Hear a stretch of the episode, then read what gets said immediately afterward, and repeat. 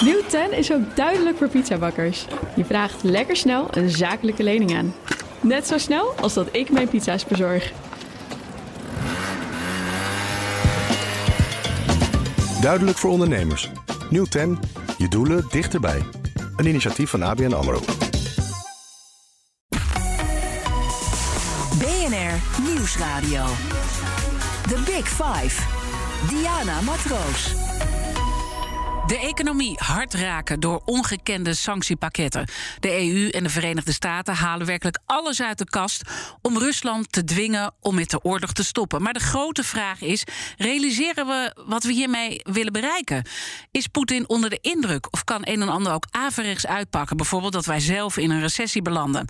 En wat betekent het voor een economie in een land dat nu zelf volop in oorlog is? Dat vraag ik deze week aan vijf kopstukken in BNR's Big Five van de oorlog oorlogseconomie. En vandaag een bijzondere gast, Annemarie van Gaal. Ze was tien jaar lang ondernemer in Rusland. Runde daar een groot mediabedrijf eh, dat de Russische versies van bladen als Cosmopolitan, Marie Claire, Playboy en Engelstalige kranten zoals de Moscow Times uh, werd uitgegeven. En ze maakte ook in die tijd een mega bankencrisis mee. -hmm. Annemarie, welkom. Dankjewel. Fijn dat je er weer bent. Voordat ik het met je ga hebben over jouw tijd als ondernemer in Rusland, om te begrijpen wat er nu gebeurt, wil ik eerst twee dingen van je weten. Allereerst, experts hopen met de huidige economische sancties voor een opstand onder de bevolking te gaan zorgen. Gaat dat er komen, denk je? Ja, ik, uh, ik had een beetje hoop tot nu toe. Maar het feit dat het nu nog niet gebeurd is, denk ik niet dat het gaat gebeuren. Het gaat niet gebeuren. Ook niet terwijl ze hard worden geraakt. Bepaalde producten zijn niet meer te krijgen. Ze kunnen bijna niet meer aan geld uh, komen. Nee, het is een afschuwelijke situatie. En Russen voelen zich ontzettend belazerd ook. Tenminste, degene die nadenken. Mm -hmm. uh, maar um, Russen zijn ook wel heel erg weerbaar. En dat bedoel ik weerbaar als in... Um, ze kunnen neergeslagen worden en ze staan op. En ze worden weer neergeslagen en ze staan weer op. En het, het is geen volk wat... Um, in opstand komt? Wat in, nee, wat niet blijft liggen, maar ook niet in opstand komt. Oké, okay. gaan we zo meteen verder afpraten. Het tweede wat ik van je wil weten. In 2000 ben je natuurlijk teruggekomen uh, naar Nederland. Toen had je er ongeveer tien jaar gezeten. Daarna is Poetin vrij snel aan de macht uh, gekomen. Maar je hebt al die jaren ook contacten natuurlijk gehouden ja. in Rusland. Hoe gaat het met de mensen die je daar kent? Ja, dat, um, dat, is, dat, doet, dat doet me nog steeds pijn. Uh, ik lig er ook echt wakker van uh, s'nachts. Uh, ik heb een paar vrouwen die ik daar destijds heb aangenomen als manager. En die gewoon hele stoere vrouwen, veertigers, die nu nog steeds werken voor het mediabedrijf. En um, normaal gesproken, als ik ze mail, ja, we praten over alles. En zij sturen echt lange mails terug met alles wat ze bezighoudt. Met ook, ook dingen over de politiek en de economie. Maar ook over hoe het met de dochter gaat. En eigenlijk alles. En nu krijg ik gewoon uh, op een mail van mij... krijg ik gewoon ja, anderhalve regel terug. En wat staat er in die anderhalve regel? Ja, in, in een van die uh, mails stond van... Uh, let's hope for the best. Punt. Verder niks. En wat zegt en dat de jou? andere had iets van, ja, life goes on. Ja, gewoon um, wat het mij zegt of wat ik eruit ja. uh, haal... want ik durf niet eens terug te mailen. Wat ik eruit haal is uh, dat ze gewoon bang zijn dat het gelezen wordt. Ongelooflijk. En dat jij die angst dus ook uh, voelt, ja. dat moet heel heftig zijn. En ook dus een enorm contrast met het land wat jij toen hebt gekend. Ja, het, het, land wat ik heb verlaten, maar ook ik ken die mensen zo goed. Dus ik weet dat ze niet zo antwoorden. Dus er is gewoon iets uh, waardoor ze zo bang zijn en waardoor ze echt helemaal niets durven. Dus jouw eerste vraag van komen ze in opstand? Uh, ik had nog een hoop mm -hmm. uh, dat op 8 maart dat vrouwen, hè, Internationale Vrouwendag, wordt daar echt honderd keer groter gevierd dan bij ons. Want het was ook een dag dat de vrouwen in opstand kwamen. En vrouwen zijn dan ook heel mondig? Uh, nou, vrouwen worden eigenlijk in het zonnetje gezet okay. om hun stoerheid. Want uh, de dag is ontstaan uh, door Sint-Petersburg textielarbeiders die de straat op gingen in 1917. En nou, aan het eind van 8 maart was mijn uh, kantoor ja, was gewoon één grote bloemenzee. Ja. Je krijgt van iedereen bloemen en chocolaatjes. En iedereen komt je eren dat je vrouw bent. En uh, het, is, het is echt een leuke dag. Maar ik dacht, misschien is dat nog wel iets dat eh, vrouwen ja, zich united voelen en dat ze de straat opgaan. Maar, het Maar is, dat is ook niet. Het is gewoon. Het geluid is eigenlijk helemaal eh, weg. En als je dat dan. ja, en Ja. misschien weten we het ook niet. Want wij horen natuurlijk ook niks wat daar gebeurt. Dat is misschien dan heel mooi om eh, de kettingvraag Ja. bij te gebruiken. Want in de vorige aflevering sprak ik met Allard Kastelein. Hij is de president-directeur van de haven van Rotterdam. En hij had deze vraag voor jou. Ik- kan me voorstellen als je daar gewoond hebt, gewerkt hebt, relaties hebt, vrienden hebt. Dat je, dat je enorme vraagtekens in je hoofd hebt. Hoe het nou toch kan zijn dat lokaal in Rusland zo anders tegen het probleem wordt aangekeken dan wij er tegenaan kijken. Wij vinden het natuurlijk totaal te veroordelen. Maar dat merk je niet vanuit Rusland zelf. En in 2022 dat propaganda dus nog steeds zo'n ongelooflijke belangrijke rol kan spelen in dit soort conflicten, vind ik fascinerend. En ik ben benieuwd hoe zij dat zelf in de discussies, hopelijk met haar vrienden die daar nog steeds wonen, hoe, hoe ze dat, hoe dat, hoe ze dat Ja. bespreekt, wat ze daarvan voelt en wat ze daar Ja. hoort over. Ja, mooie vraag. Ehm, het is ook heel fascinerend hoe één man in een tijd van twintig jaar waarschijnlijk gewoon heel erg secuur opgebouwd die propaganda-machine heeft aangezet. Alle, alle mediabedrijven die waren in handen van die oligarchen, die hij dus aan zijn kant heeft weten te krijgen. Door gewoon alle deals, eh, ja, wij zouden het corruptie noemen, maar alle deals hun kant op te duwen. Begrijp je wat ik bedoel? Ja, ja, Dus- ja. Dus ze helpen elkaar daarin ook. ja, om, om één stem te, te, te hebben naar buiten toe. En om één berichtgeving te hebben. En iemand die zich daar niet aan houdt, zoals een Michael Garakowski eh, van Yukos. Die is eh, in 2005 eh, naar ehm, een strafkamp in Siberië gestuurd. Daar heeft hij acht jaar gezeten en hij mocht alleen maar het strafkamp verlaten. Ja. met de garantie dat hij zich nooit meer met de politiek van Poetin bemoeit. Navalny, hè, de grootste oppositieleider, ja, die zit ook in een strafkamp eh, met een streng regime. Wordt er nog Dus Mensen die wat doen, die worden uitgeschakeld. Dat hebben we natuurlijk ook eh, wel gezien. Maar hij heeft dus heel duidelijk ehm, die oligarchen zijn kant eh, opgekregen. Eh, dat is natuurlijk al heel lang geleden ontstaan. Maar dat ook het volk dan zo toch in het doosje gaat en Ja. eh, monddood eh, gemaakt wordt. Dat heeft hij ook heel secuur opgebouwd. Ja, monddood, omdat ze natuurlijk eh, niet mogen protesteren. En af en toe hoor je natuurlijk dat er een journalist eh, verdwijnt of eh, neergeschoten wordt. Eh, waarvan je denkt van, oh ja, die heeft iets gezegd wat niet waar is, denk je dan nog in het begin. Maar op een gegeven moment ga je denken van, ja, misschien klopt het ook niet, die journalist. Het is gewoon, ze, zijn, ze worden gewoon je moet je voorstellen, twintig jaar lang, hè? Ja. Je wordt gewoon gehersenspoeld. Ehm, en ik, ik vergeleek het zelf ook een beetje met. ehm, eh, je, hij gijzelt je gedachten. Dus je kunt niet meer vrij zijn in je gedachten. Want je mag niet meer je uiten zoals je je wil uiten. Dus het is een soort gijzeling van je gedachten. En we hebben natuurlijk. eh, we kennen hier het Stockholm-syndroom, waarbij je op een gegeven moment sympathiseert met je gijzelnemer. En ik denk dat dit is een beetje, noem het het Rusland-syndroom, dat mensen op een gegeven moment maar gaan sympathiseren met Poetin. Ja. Omdat ze gewoon geen enkele andere kant hebben. Ze zijn, hun gedachten kunnen ze niet vrijlaten. Ze hebben geen enkele. Er zal af en toe best wel iemand tegen ze zeggen van, ehm, joh, dat klopt niet. Of eh, Nou ja, we hebben natuurlijk ook voorbeelden gezien van diegene, die dappere eh, Zo, mevrouw van de staatstelevisie. zo. Die achter de nieuwslezer ging staan. Dat was echt wel een Wat- momentum. Wat een heldin. Ja. Wat een heldin. Maar ik ehm, volgde de eh, correspondentie tussen twee vriendinnen die ik allebei goed ken. Eentje woont nog in Moskou. Ja. En de andere, dat is Tatjana. En de andere, Irina, woont al tien jaar in eh, Luxemburg. En ze waren met elkaar aan het discussiëren. En Irina die zei van, wow, het is een heldin. En wat fantastisch dat ze dit deed. En eh, Tatjana zegt, die zei tegen haar van... nee, snap je dan niet dat dat een toneelstuk is? Ja. Dus Irina zegt, nee, dat is geen toneelstuk. Dat is, eh, zij doet dat echt met gevaar voor eigen leven. Ze wil jullie iets vertellen. Dus Tatjana zegt weer van, nee, ehm, jij begrijpt het niet. Want je ziet toch dat het... eh, eh, geschreven zinnen zijn. Het zijn standaard zinnen die ze noemt. En het is een dictie hè, in dat Facebook-filmpje die niet echt is. Ja. En zo gaat dus die, eigenlijk ook die communicatie eh, onderling. Waardoor je dus nu voor ons zo raar is dat je naar totaal twee verschillende werelden kijkt. Ja, ja. En, en twee vriendinnen van elkaar, hè? Ja. En de ene zit in Moskou en de andere zit in Luxemburg. En dan denk ik van, die ene die in Moskou zit, dat is, dat, dat is echt een slimme meid. Daar gaat het niet over. Daar, nee. Nee. Maar ik denk dat die gewoon denkt van ja, ik heb geen keus. Vreselijk uh, uh, dat het uh, zo werkt. En dan heb je Poetin die dus dit allemaal heeft georchestreerd. Ja. Met steun ook van allemaal mensen om zich heen. Soms dan denk ik ook, wij begrijpen ook helemaal niet. ehm, we zijn ook heel naïef geweest, dat denk ik. één. Eh, en twee. eh, ehm, we begrijpen volgens mij helemaal niet hoe die man in elkaar zit. Wat, wat, eh, je hebt natuurlijk niet zijn tijd meegemaakt toen je de ondernemer was, hè, want toen was je daar al weg. Maar wat moeten we ons beseffen van de man waarbij we beter kunnen begrijpen wat er nu gebeurt? Ja, wat ik misschien een, een mooi voorbeeld, ook wat met de media te maken heeft. In 1998, eh, 1997 wilden wij.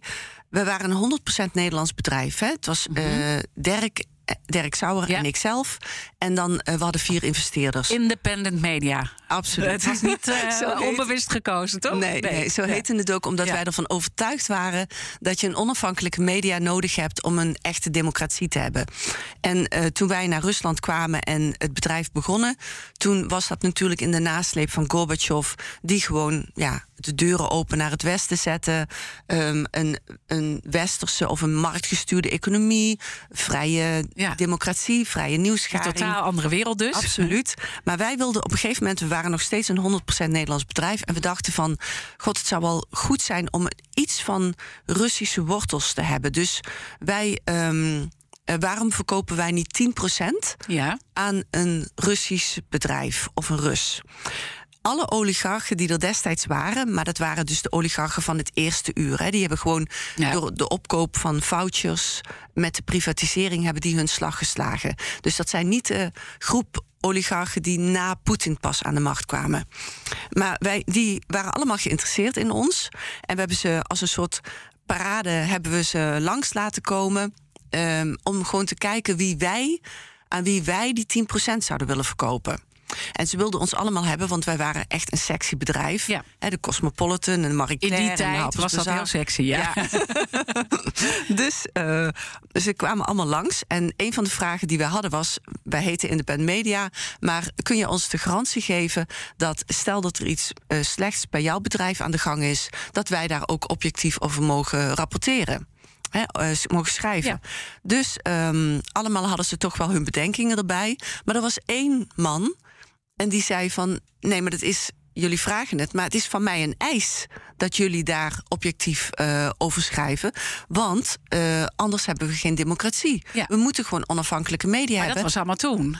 Ja. Dat was in 1997. Ja, maar toch was het al vreemd. Want het land kwam net uit een communistische tijd. Maar eh, dit was Michael Gadorkovsky.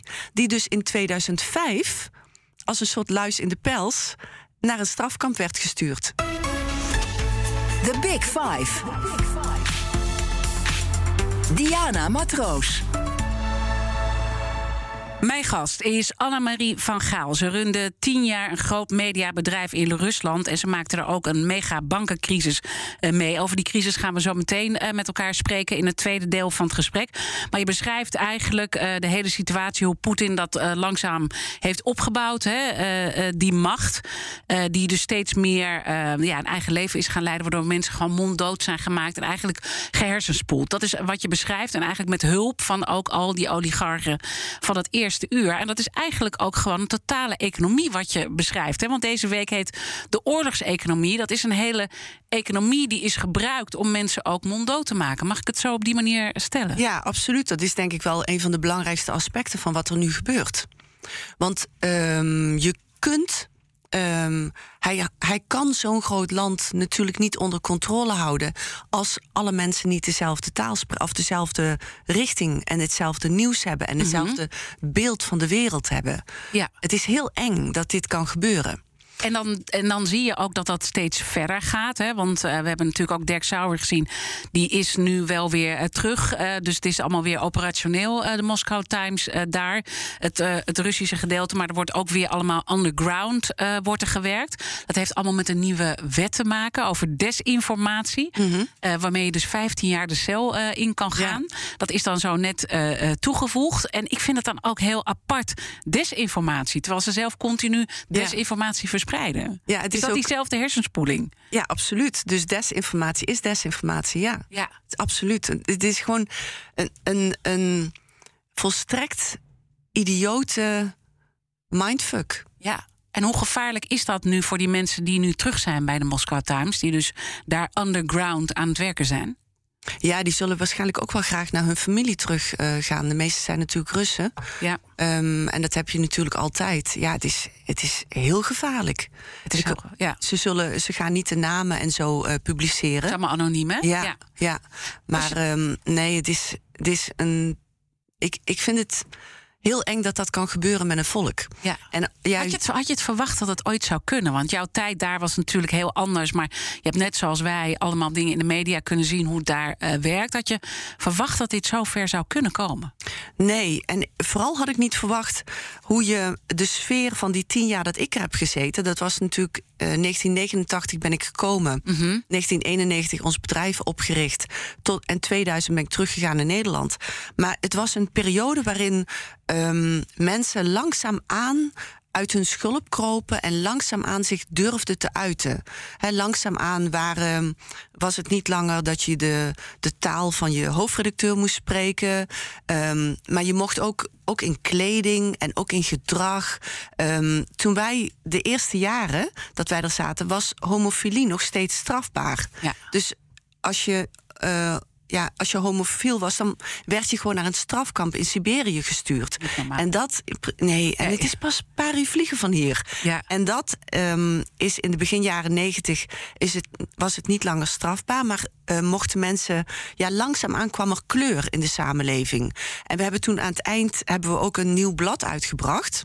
En dat heette Cult Lichnesty. En Cult Lichnesty was voor ons eh, heel kenmerkend. Want dat betekent eigenlijk ehm, de cult van je persoonlijkheid. Dus dat je echt je.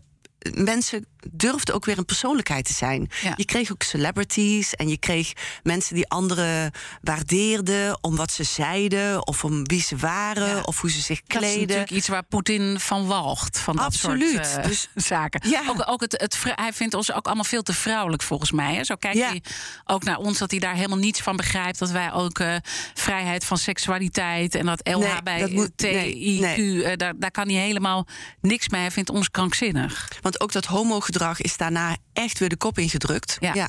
Ja, als je dat nou allemaal eh, zo eh, beschrijft, hè, die verandering. Want eigenlijk, eh, men bloeide open en dan heb je een, een democratie. En dat geeft ook een bepaalde stabiliteit aan een land. En dat is ook belangrijk En voor hoop. de- en hoop. En dat is ook belangrijk voor een economie. Hè, want daarmee ontstond er ook een andere markt. En het werd booming business ook in Rusland. Als je dan nu kijkt, economisch gezien, wat er gebeurt. Even los van, van nu hè, de, de, de, de hele banken en de roebel. Daar gaan we zo meteen eh, wel over praten. Maar wat voor impact heeft die afgelopen tien jaar gehad?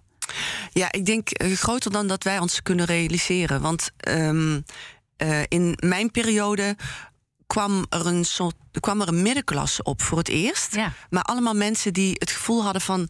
wow, als ik hard werk, dan kan ik een beter leven voor mijn gezin. Voor mijn, hè, dan kan ik een huis kopen. ehm, dan kan ik misschien wel een mooier huis kopen. Dan kan ik genoeg eten kopen. Het, het, het werd een soort... ehm, waardoor die hele middenklasse ontstond... wat dus heel belangrijk voor de economie is eh, geworden. Maar daarna is het net alsof iedereen weer terug in zijn schulp moest. En, ehm, en je hebt natuurlijk een ongelijkheid. Nou, je, als je ziet dat anderen schandalig rijk kunnen worden... en dat er overal waar je kijkt corruptie is... maar dat je er niets over mag zeggen... dat je eh, precies in je malletje moet blijven. Dat is, ja... Ja. Je, je kunt bijna niet voorstellen wat dat doet met... Wij, wij hebben nog nooit zo geleefd. Nee.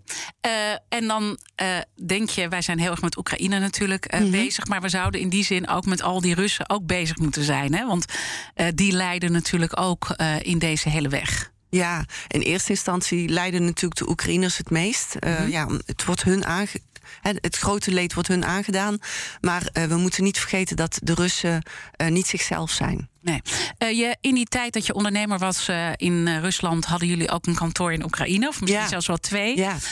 Jullie kwamen daar dus ook vaker, jij ook, Ja. Kiev, Odessa.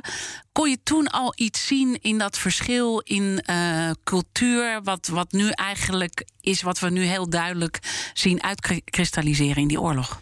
Ehm, nou ja, Odessa was eh, nog steeds eh, een van mijn favoriete steden van de wereld. Ehm, ik kwam daar heel graag. Ja. Het is, een, het is zo'n prachtige stad. Het is ja, het is anderhalf, eh, ruim een uur vliegen vanaf Wenen. Maar het is zo verschrikkelijk mooi. Ehm, alles is laagbouw, heel veel bomen, mooie.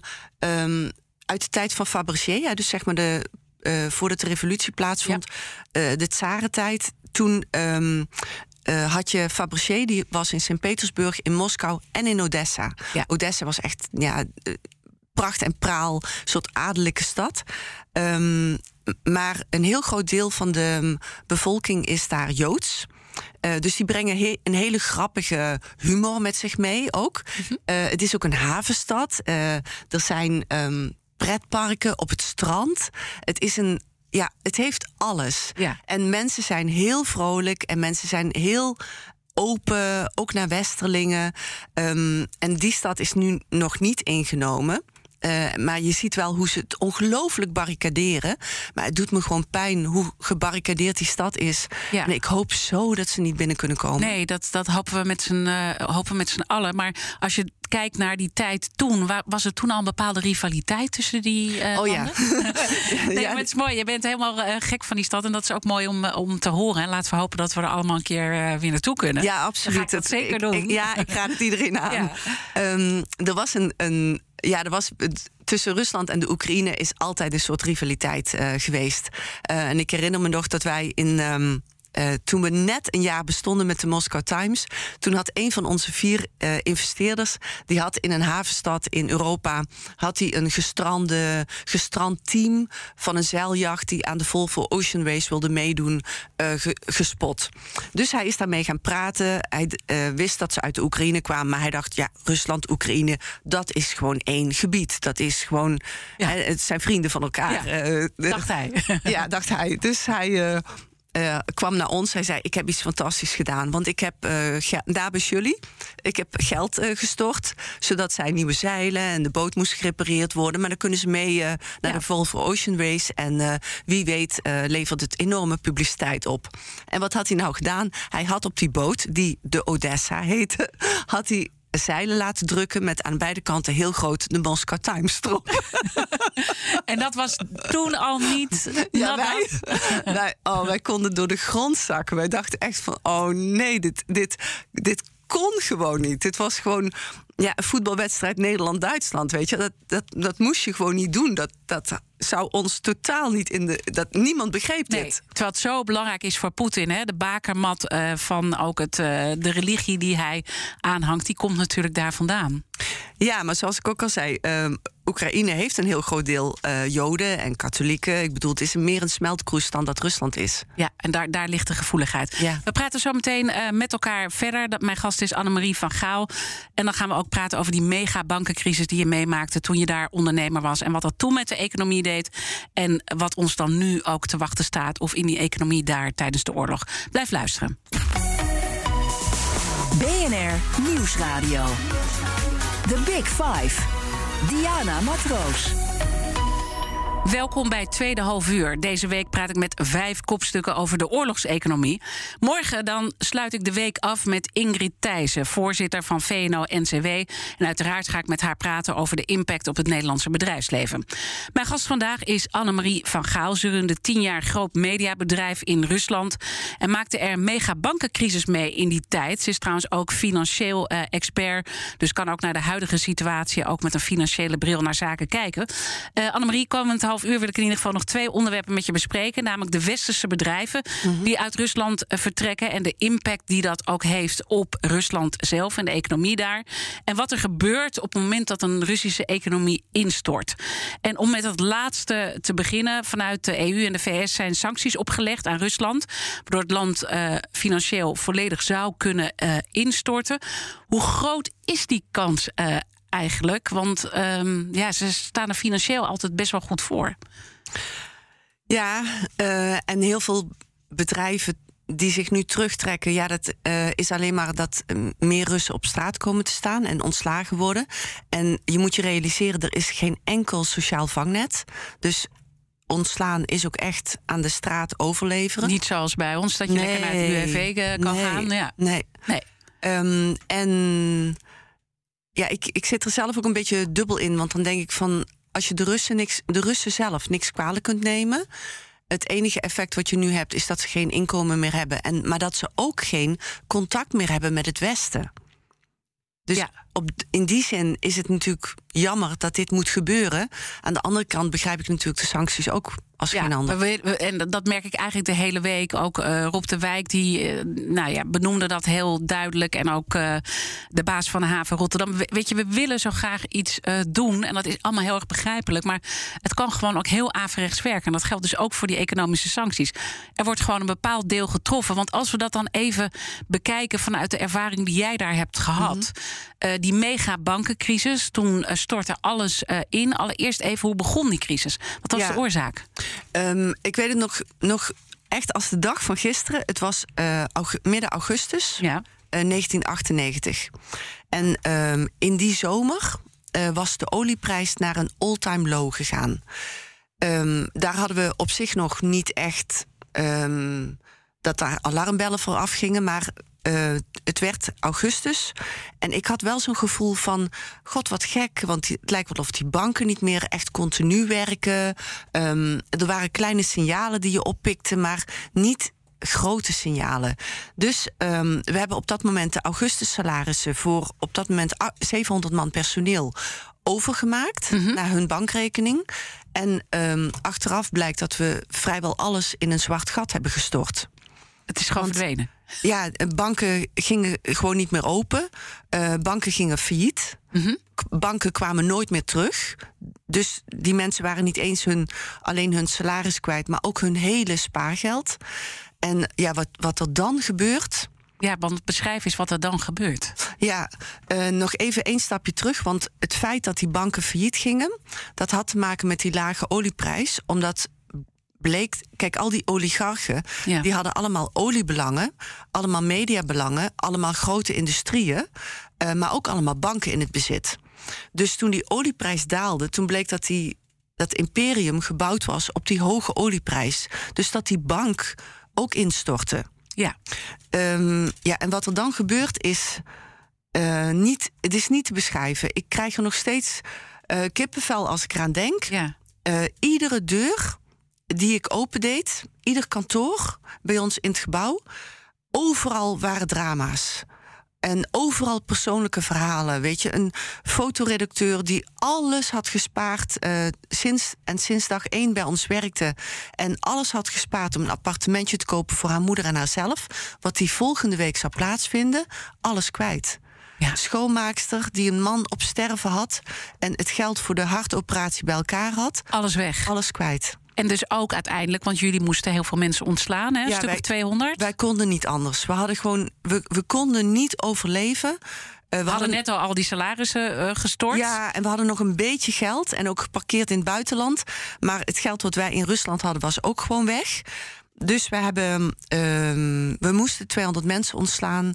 Maar omdat je weet dat, je ze, dat ze geen sociaal vangnet hebben, denk je ook niet zoals in Nederland. Dat je denkt van, oh ja, eh, leeftijdsafspiegelingsbeginsel of first, eh, last in, first out.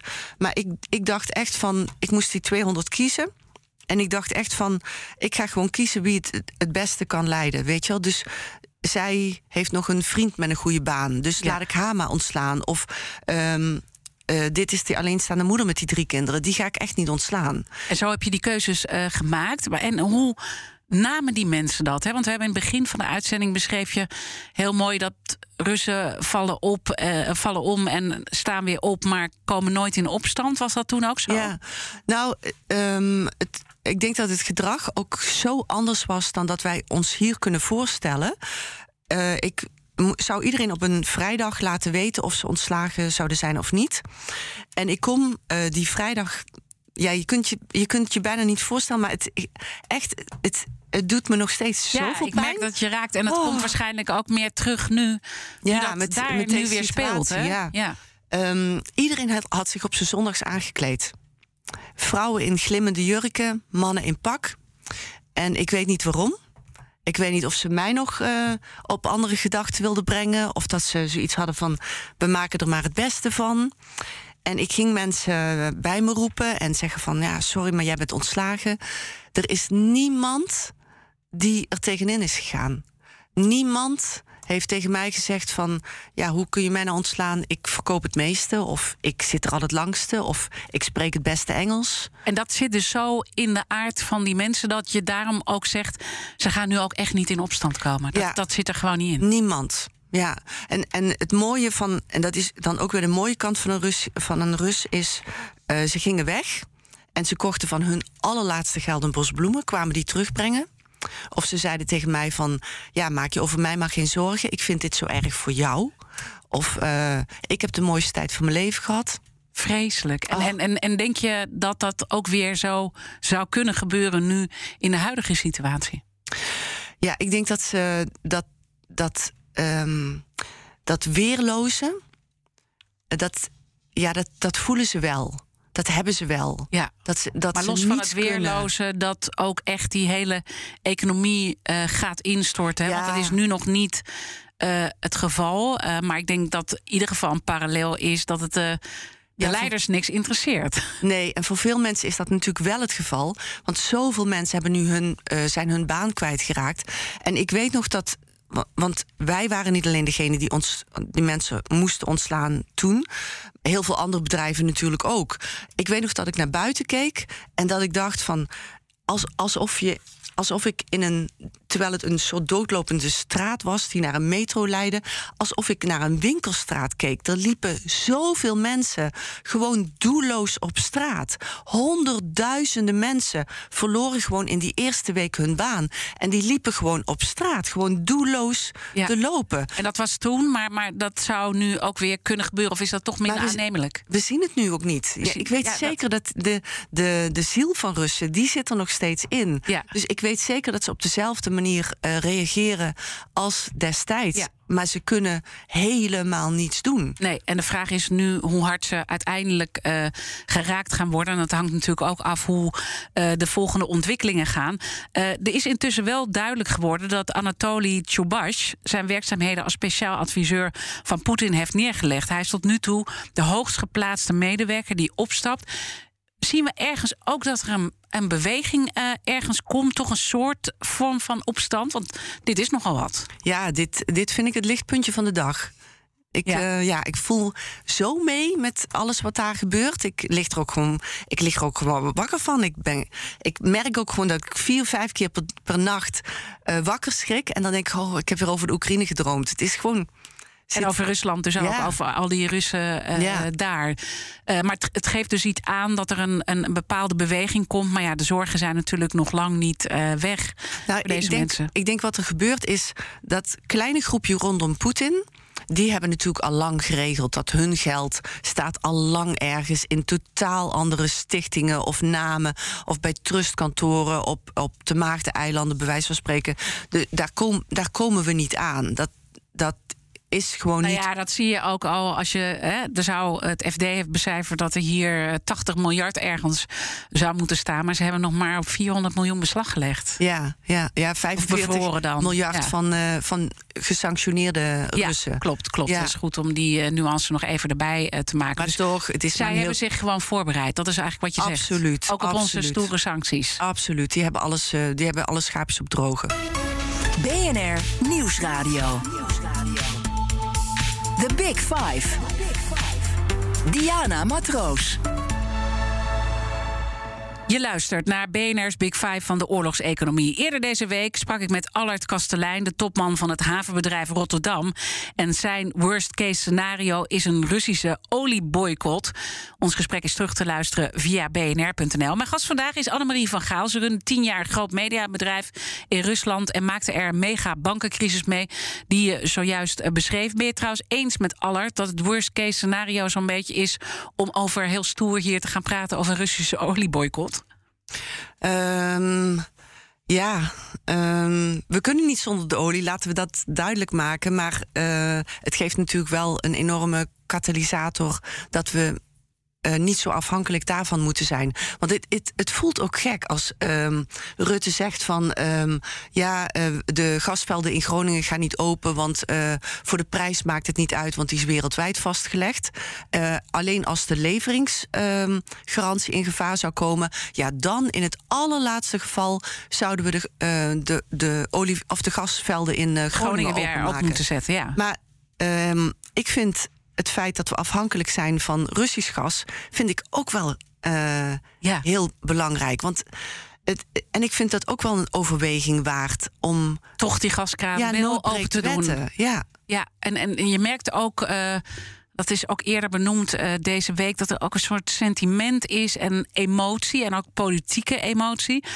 Waardoor we daar echt gewoon niet aan willen om het daarover te praten. Je zou ook kunnen zeggen: geef die mensen in Groningen eh, een hele zak geld om die huizen te stutten. Ja. En het weegt niet op tegen de risico's die we nu allemaal nemen. ja, ja, ja. Ik, Vind je, dat vind je ook? Ja, ik, ik vind dat. En, en de Groningers zelf, eh, degene die ik spreek en eh, zoals ik ze ken, dat zijn niet de beroerdste mensen. Die, die, die begrijpen ook wat er hier aan de hand is. En ja, ik vind gewoon het feit dat we, dat we die lijn open houden, terwijl we aan de andere kant al die sancties doen, vind ik gewoon heel gek. Vind ik gewoon heel tegenstrijdig. Omdat je ook weet dat die sancties eigenlijk helemaal niet werken. Poetin is er niet van onder de indruk. En het interesseert hem geen moer als zijn volk eraan gaat. Voor Poetin en zijn eh, kleine inner circle, nee. Heeft het geen eh, effect en daar gaat het uiteindelijk om. Maar wat je net zei, eh, dat Sobchak zijn, zijn functie heeft neergelegd, dat vind ik wel een ehm, bewijs dat, er, dat het aan het afbrokkelen is. Want je merkt al dat hij niet blij is met de oligarchen, hè, die waarschijnlijk ook delen van zijn rijkdom gestald hebben. Omdat hij al in zijn laatste toespraak al zei van hè, eh, ze, ze eten oesters en gras. maar ze zouden zomaar de verraders kunnen zijn. Maar, eh, dus je merkt dat hij, dat hij die kring is hij al aan het verliezen. Eh, en dat lijkt me ook logisch, want die worden wel geraakt door de sancties. Want hè, je schip van een half miljard zal maar aan de ketting komen te het. liggen. Ja. Ja, dus dat geeft toch wel die scheurtjes die nu beginnen te ontstaan. En ook grote westerse bedrijven die natuurlijk eh, opstappen. Eh, Rob de Wijk vertelde dat het feit dat de McDonald's weggaat, dat dat misschien nog wel voor meer emotie zorgt, ook bij de Russen, dan al die andere dingen die gebeuren. De- Denk jij dat ook? Ja, McDonald's had van oudsher een eh, ja, zo'n. ehm, het was bijna het, het eerste buitenlandse bedrijf wat echt zichtbaar aanwezig was. En het is van oudsher. Ja, Russen van ver buiten Moskou, die kwamen naar Moskou in trouwkleding met de hele familie achter zich om in de rij te staan bij McDonald's om daar de bruidsmaal. meen je was- niet? Ja, dit was gewoon. Ik zie het helemaal voor me. Ja. Ja, dus dat geeft wel wat aan wat voor impact eh, die bedrijven hebben. Nou zijn er natuurlijk veel eh, westerse bedrijven die eh, wegtrekken. Hè. Dat was toen in die tijd van de bankencrisis die jij beschreef, was dat ook zo. Ja. Maar je hebt natuurlijk ook altijd weer winnaars in zo'n tijd. Dat is ook oorlogseconomie. Ja. Dat, dat hè, eh, dingen raak je kwijt, maar er komen ook andere dingen voor terug.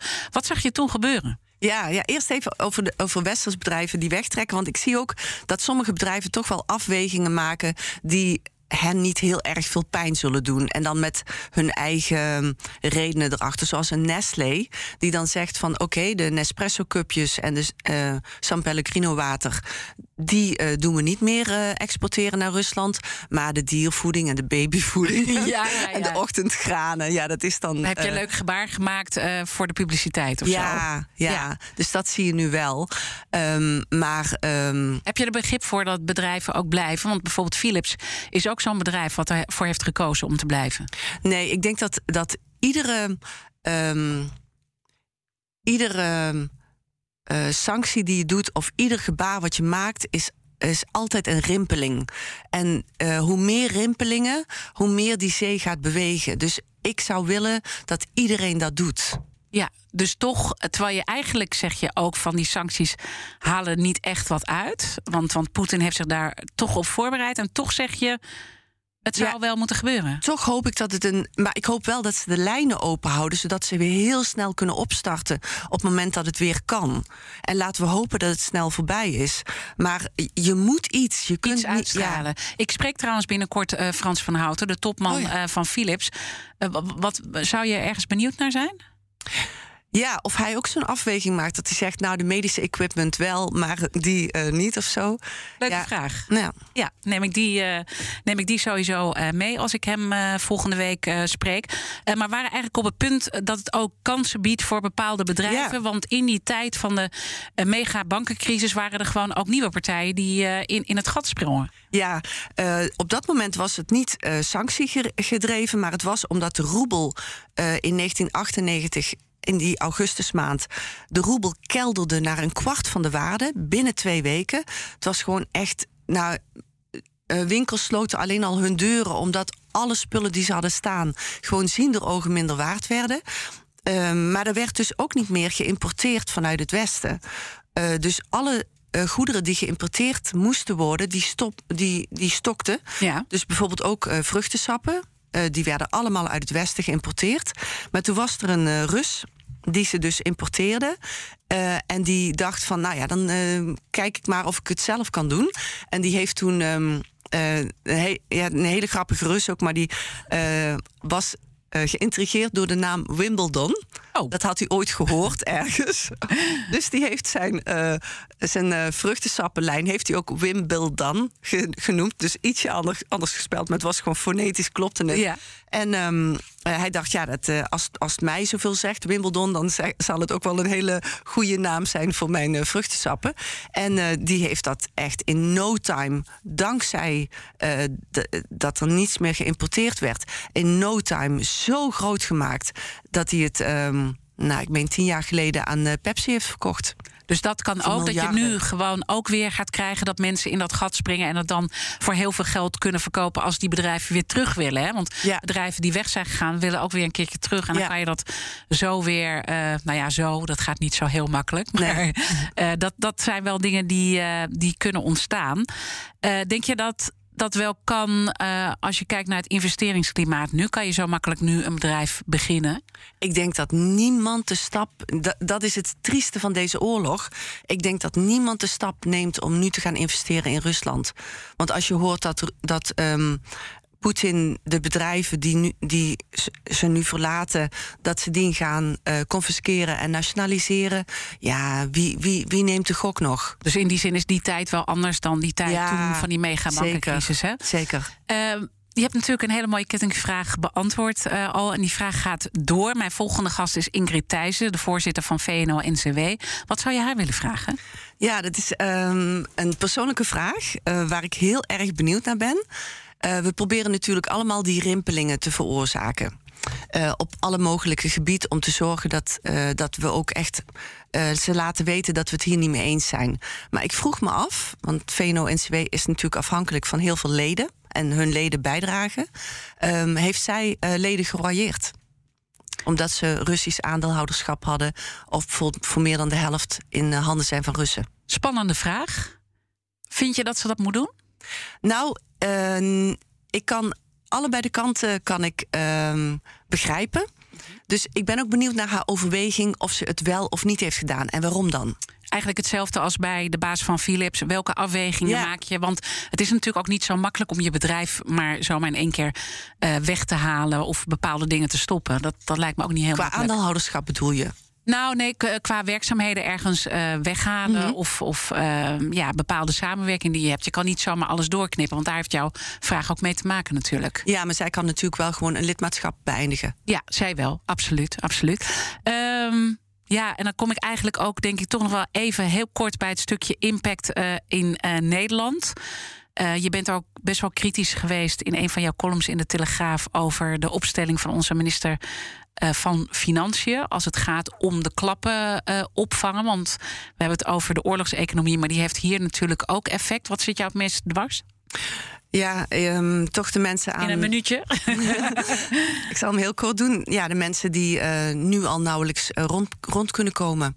Die energierekening, uh, die ook ja, vooral vanwege de oorlog in de Oekraïne, die zo snel stijgt en zo hoog wordt. En mensen die nu een tientje overhouden of een tientje tekort komen. Ja, ik. ik Ja, maar- of met dekens op de bank moeten Oh, gaan zitten om het nog eh, een Ja. beetje vol te houden. En dat is ook waarom je zegt: zet misschien gewoon die gaskraan aan Ja. in Groningen. Hoe moeilijk dat dan ook is. Ja, en probeer onafhankelijk te worden van Rusland. In ieder geval van het Russisch gas en olie. En steun de bevolking.